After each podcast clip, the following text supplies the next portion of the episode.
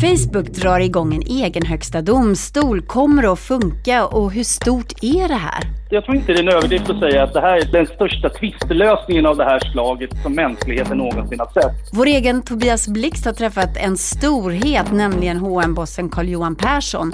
Och dessutom berättar Stefan Lundell varför man alltid ska kolla en bra story.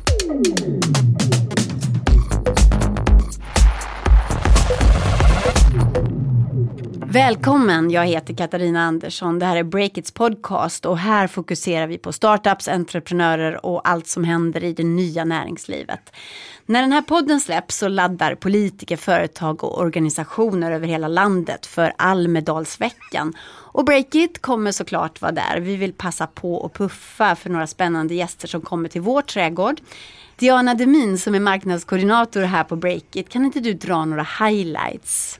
Jo, och vi har faktiskt rekord i antal paneler och talare i år.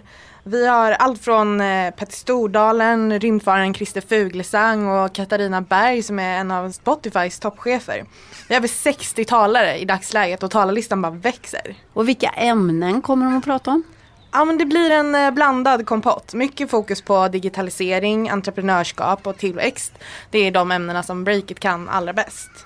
Dessutom är vi på plats nästan hela gänget så man får gärna komma förbi, säga hej eller hänga lite grann. Det blir mingel också. Absolut. Måndag kväll. Ja det är fullt tyvärr men eh, man kan få stå på väntelistan och vänta lite snällt. så man kanske får komma och mingla. Okej men var hittar man oss då? Ja, men man hittar oss i trädgården på Slottsterrassen 16. Följ de orangea flaggorna längs gatan så hittar man. Vi har seminarier måndag till onsdag och det är självklart öppet för alla att delta. Hela programmet finns på vår sajt så spana in det där. Tack så mycket för det Diana. Nu kommer några korta nyheter innan vi går vidare till våra spaningar. Isabella Lövengrips satsning på ansiktsigenkänning har hamnat under lupp. Det är Datainspektionen som ska se över om Lövengrip får använda den här tekniken i sin nya butik i Gallerian i Stockholm. För ansiktsdata kan såklart klassas som känsliga personuppgifter som man inte kan samla in hur som helst. Nu har Datainspektionen ställt frågor till Lövengrips investmentbolag Nordic Tech House som ska driva den här butiken och Datainspektionen vill ha svar av Lövengrip innan 22 juli. Vi håller såklart ögonen på vad som händer där. Psykologappen Dialog24 har stängt ner sin verksamhet. Med det blir tjänsten det första offret för de sänkta ersättningarna för nätläkare som vi tog upp i podden för ett par veckor sedan. Ersättningen sänks från 600 kronor per besök till 425 kronor.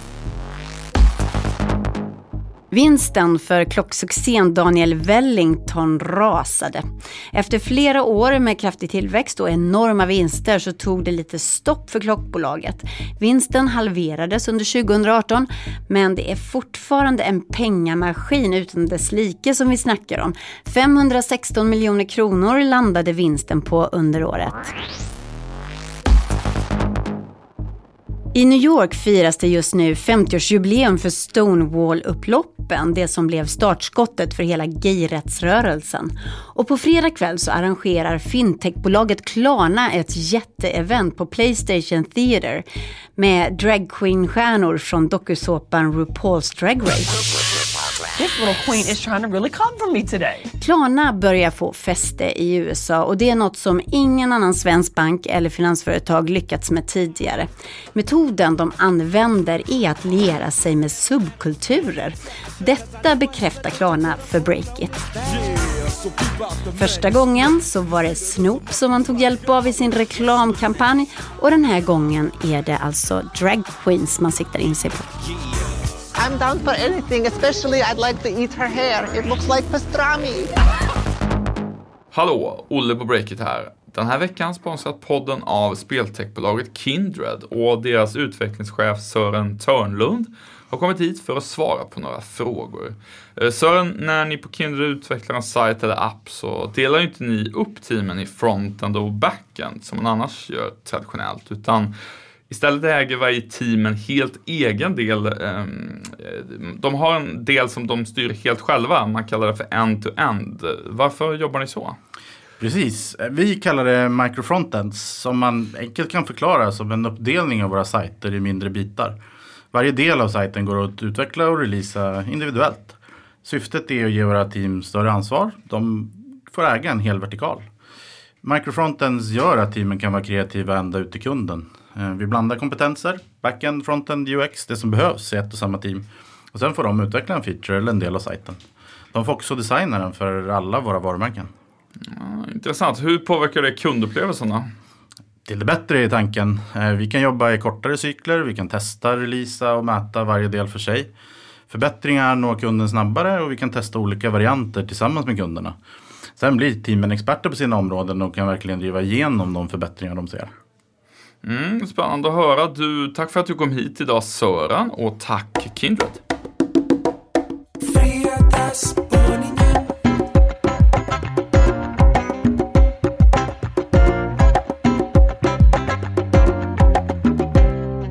Facebook är i full gång med sitt digitala nationsbygge. Förra veckan så pratade vi här i podden om hur Facebook tänker lansera sin egen valuta. Libra heter den. Och nu startar Facebook arbetet med att skapa en egen högsta domstol också. Och en av de som är med i det arbetet är svenske kändisjuristen Mårten Schultz.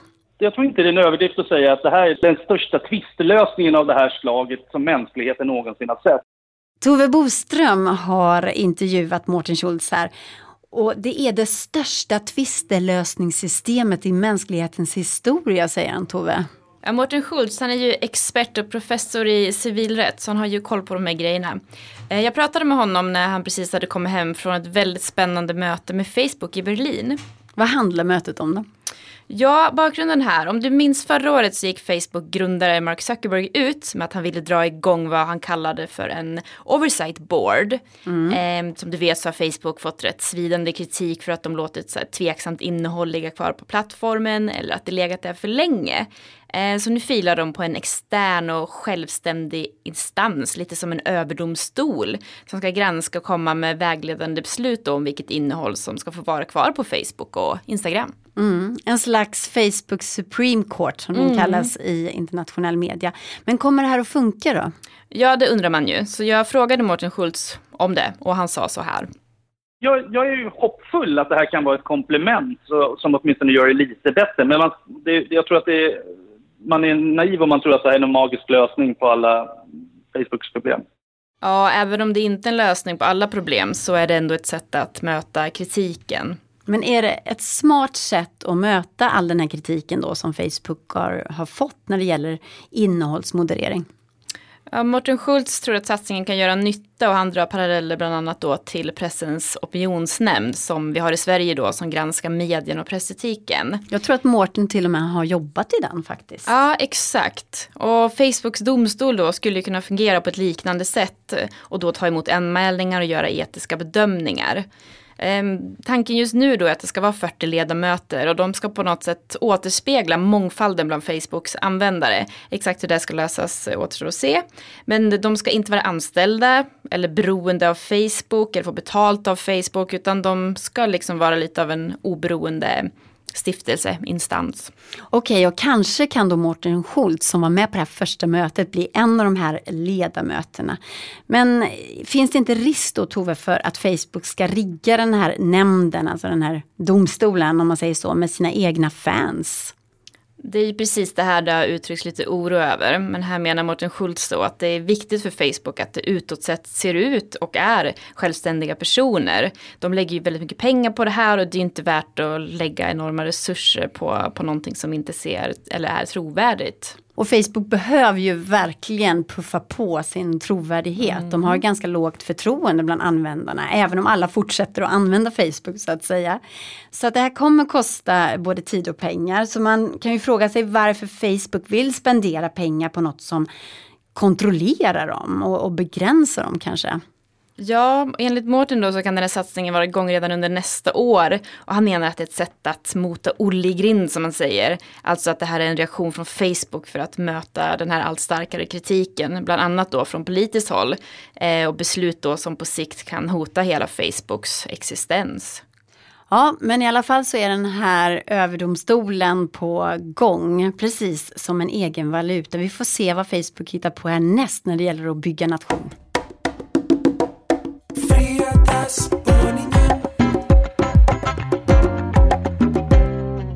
Välkommen in i Breakits poddstudio, Tobias Blixt. Tackar, tackar. Du har träffat en riktigt spännande person här i veckan, hm bossen Carl-Johan Persson. Ja men precis, träffade honom på H&M's huvudkontor i Stockholm. Mm. Och du fick en egen eh, liten kort intervju med honom. Ja, men tio, minuter lyckades jag sno åt mig i alla fall. Och då bestämde du dig för att koncentrera dig på att prata hållbarhet med hm bossen Ja, men det är en intressant fråga så här i flygskammens eh, tid, tänker jag. Ja, mm. hade han någon flygskam då? Carl-Johan Persson? Nej, det får man väl kanske inte säga att han hade. Uh, inte, var, inte utåt i alla fall. Ja, vad sa han då? Uh, det tänkte jag att vi ska lyssna på. Miljödiskussionen blir ofta kopplad till sluta gör saker, eh, sluta flyg eller sluta köp eller sluta sluta. Och det kanske har en liten positiv miljöuppsida men väldigt negativ social eh, konsekvens kopplat till det. Okej, okay, så köpstopp det är inte den stora lösningen tycker hm bossen eh, men det kanske inte är så konstigt egentligen för att han vill ju sälja kläder. Så eh, gav han något annat exempel på hur den här utvecklingen ska kunna gå? Ja men det gjorde han. Um, H&M har ju lyft fram deras arbete här nu att uh, kunna visa för kunderna vilken fabrik och vilket material som finns i kläderna som man shoppar. Uh, och det här är ju något som, som han då, Carl-Johan Persson, hoppas ska kunna tas mycket längre i framtiden. Att man ska som konsument kunna få ett, ett betyg eller ett score på kläderna, inte du som konsument, utan mm. kläderna ska ha ett mm. betyg uh, som visar att så här bra i social hållbarhet och i miljöhållbarhet är det här klädesplagget. Mm, det sätter ju press på en klädproducent som H&M också då. Ja men verkligen, han, han pratar ju om, det är ju ganska svävande framtidsversioner, men han pratar ju om det som en, man vill ha en branschstandard här, där, så att konsumenterna då ska kunna eh, bestämma eh, och avgöra med plånboken såklart. Mm. Eh, som man har på elprodukter nästan, att de är liksom så säkerhetsmärkta, det här är bra grejer. Ja men precis, att man ska få en väldigt tydlig, tydligt riktmärke på att det här är bra kläder. Mm. Um, och då ska ju kunderna kunna mm, rösta med plånboken helt enkelt för att uh, de här produkterna vill jag köpa. Uh, jag undrar ju lite varför man inte bara direkt skulle ta bort alla de här dåliga produkterna som finns om det är så. Uh, om det ändå går att se ett tydligt betyg någon gång. Mm. och så här svarade han på det. Ja men, vi, alltså, ja, men vi ökar ju hela tiden andelen hållbara material. Eh, så det är ju en resa. Men det gäller ju att komma överens med andra om att sätta en sån här branschscore så att vi får någonting som är jämförbart. Ja men precis. Um, det kan man ju anta att han hoppas och tror att då H&M ska kunna visa att de faktiskt arbetar för hållbar modeindustri och att uh, de genom att då locka kunderna till köp uh, av mer hållbara kläder kan göra en liksom, gradvis omställning uh, istället för att bara tvärstoppa mm. med mindre hållbara produkter. Istället för att riskera affärer genom att sluta sälja kläder som, inte, som är sämre för miljön och social hållbarhet direkt då, så samtidigt som en annan kedja kanske fortsätter. Mm. Då, då blir det, det inte bra för affärerna. Helt enkelt. Nej, nej. Så det är i alla fall ett litet fegt beslut men ändå bra i längden kan man säga. Det kanske är ett smart beslut. Får jag fråga dig en sak till? Mm. Om du då eh, tittar på vad hm bossen hade på sig för kläder själv idag.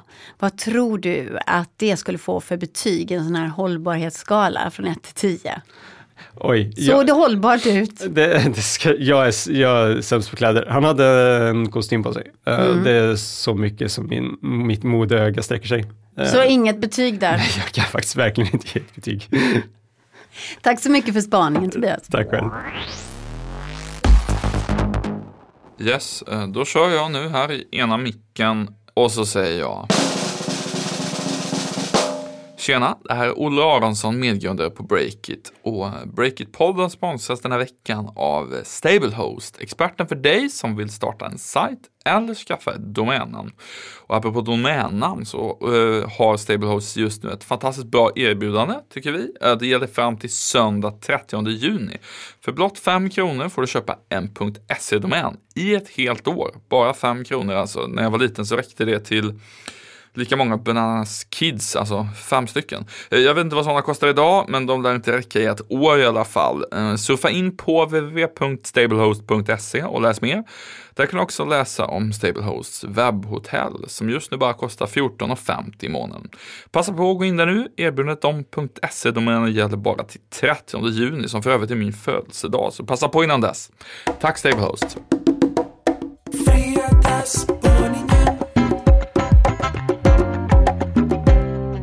Kolla aldrig en bra story, så brukar vi journalister säga lite skämtsamt ibland. Men den här veckan har du, Stefan Lundell, som journalist fått en handfast lektion i att man ska kolla en bra story.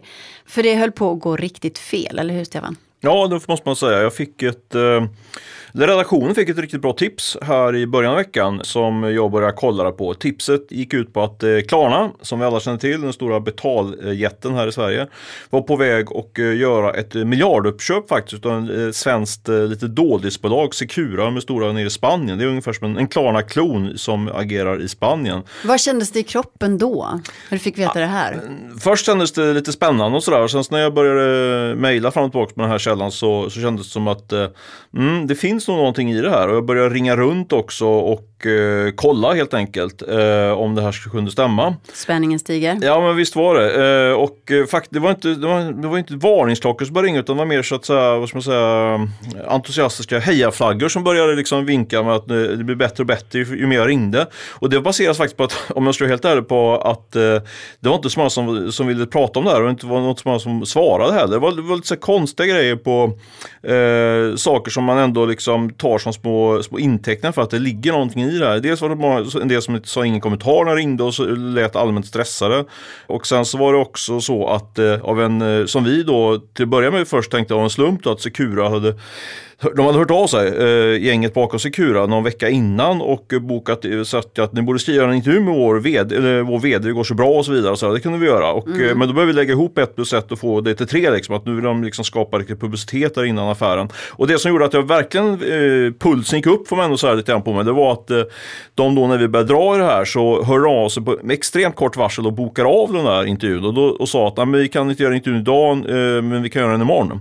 Och allt det här tog du som intäkt på att nu är det verkligen sant. Ja precis och det sista då tänkte jag okej nu då, då, kan, då kommer de releasa här imorgon bitti eh, och så blir vi blåsta på den nyheten. Det var det jag liksom kände att, Aha. eh, att eh, det här kan gå riktigt illa då. Mm, så du var redo att publicera allt det här och så bestämde du dig för att ringa Ett samtal till. ett samtal till. Precis, precis. Eh, för jag kände mig, ska man säga, 75% säker på att det, det här är någonting som, som kommer att smälla imorgon och då är det bara att pumpa ut nyheten i, i, eh, under kvällen.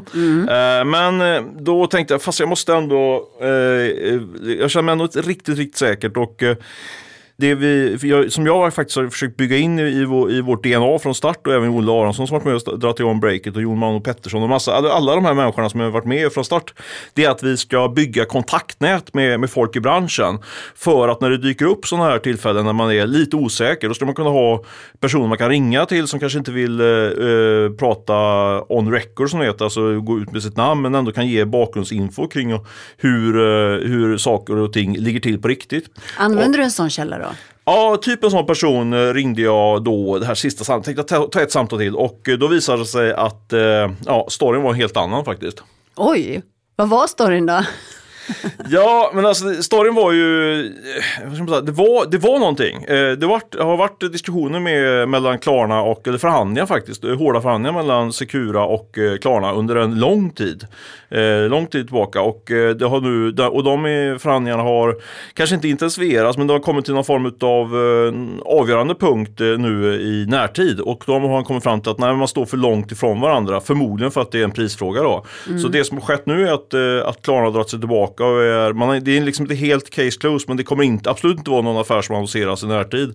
Eh, och det där skrev jag eh, en story om, så det blev ändå en story men det hade känts extremt pinsamt om vi hade gått ut och sagt att eh, Klarna är på väg att köpa Secura för plus en miljard, för det hade varit helt fel helt enkelt. Så vad är sensmoralen av den här uppeldade nyhetsstämningen på Breakit efter ett tips? Ja, men det är väl att, eh, att vi faktiskt är lite grann på, på rätt väg på breaket. Att det, det handlar om att, att bygga ett, eh, ett bra och informellt eh, nätverk av kontakter runt om i näringslivet. För jag tror att generellt så, så skulle jag säga att näringslivsjournalistiken skiljer sig en del från, från mer allmän journalistik. För skillnaden jämfört med till exempel politisk journalistik eller om man bevakar myndigheter och sånt så är det ju att det finns i princip är ju ingenting eh, offentligt i, näringslivet mer än kvartalsrapporter som kommer varje kvartal alternativt en gång per år kommer, bolags, eh, kommer det in till Bolagsverket en årsredovisning. Jämfört med när du kan gå som kommunreporter i ett diarium där är ju liksom offentlighetsprincipen är ju, där är ju principen att allting ska vara offentligt. Sen kan det ju en del sekretesstämplar och sådär.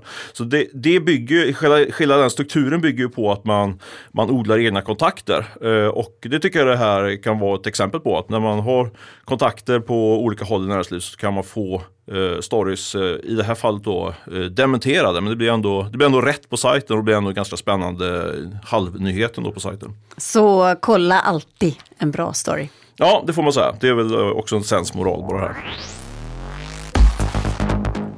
Så där ja, där sätter vi punkt för veckans podcast. Fredrik Nilsson sköter tekniken i den här podden. Ansvarig utgivare Olle Aronsson. Jon Wahlqvist är redaktör och själv så heter jag Katarina Andersson. Glöm nu inte att komma och hälsa på oss i Almedalen om du är där. Tack så mycket för att du har lyssnat.